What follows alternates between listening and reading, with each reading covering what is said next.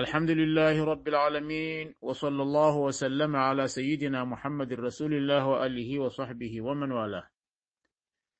مناهل الإتقان إلى تحقيق مقاصد الإحسان. الحلقة رقم 25 العنوان فناء المقربين في حضرة الحق. تقديم محمد كرم يوسف معروف. قال المؤلف حفظه الله ورعاه. فناء المقربين في حضرة الحق. وأصحاب القرب الإلهي هؤلاء دأبهم التوجه بالهمة العلية اشتغالا بمحبوبهم. حتى لو ضرب العاشق الوامق منهم بالسيوف لم يحس.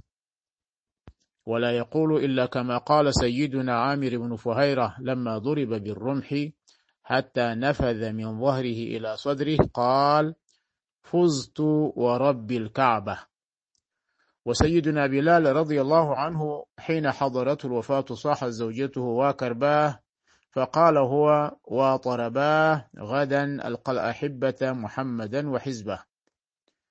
ومن صفاتهم الفرار من البعد لأنه عندهم عذاب والقرب نعيم لأن هؤلاء لم يبق لهم حكم إلا في عالم الأرواح وإحاطتهم تكون حول الأفعال بحرارتهم وحول الأسماء بجمعهم وحول الذات بحقيقتهم. وهؤلاء هم الذين غابوا في الحقائق عن كل الخلائق. ولا يشهدون إلا ذات الحق تعالى من وراء حجاب العظمة والكبرياء. فما بقي لهم في العالمين مصحوب سوى الحق المحبوب الذي أشهدهم قربه فهم أقرب إليهم فهو أقرب إليهم من حبل الوريد. وسمي هؤلاء بأصحاب القرب لكونهم محفوظة قلوبهم وأوقاتهم. فلا يغيبون ولا يغفلون عن محبوبهم. وهم في هذا المقام على مرتبتين. فمنهم من حجب بالعين عن مشاهدة مواقع البين فأغناهم ذلك عن الاعتماد على أنوار الهمة والإقبال فالكريم لا تتخطاه الآمال. ومنهم أهل الآمان أهل الأمان في مقام العند المنزه عن قيد المكان وحصر الزمان فصاحب المشهد الأول يدرك ما وراء الرداء دون ما بطن في الخفاء.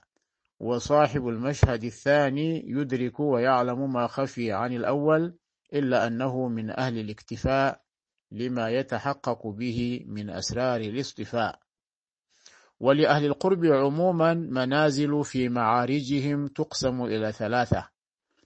الأول منزل قرب القيام اصطلاحا وهو للسائرين ومن أسراره شهود الحق من وراء ستر كثيف في جميع المراتب.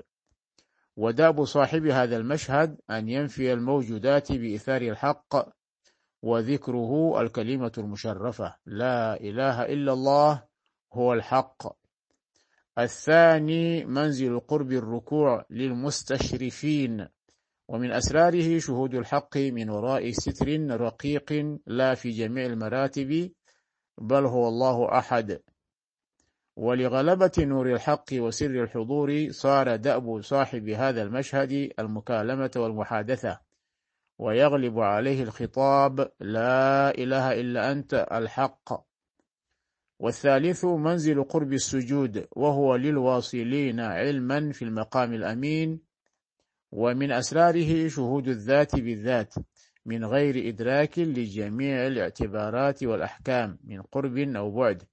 وذلك مشهد تتلاشى فيه كافة المعايير.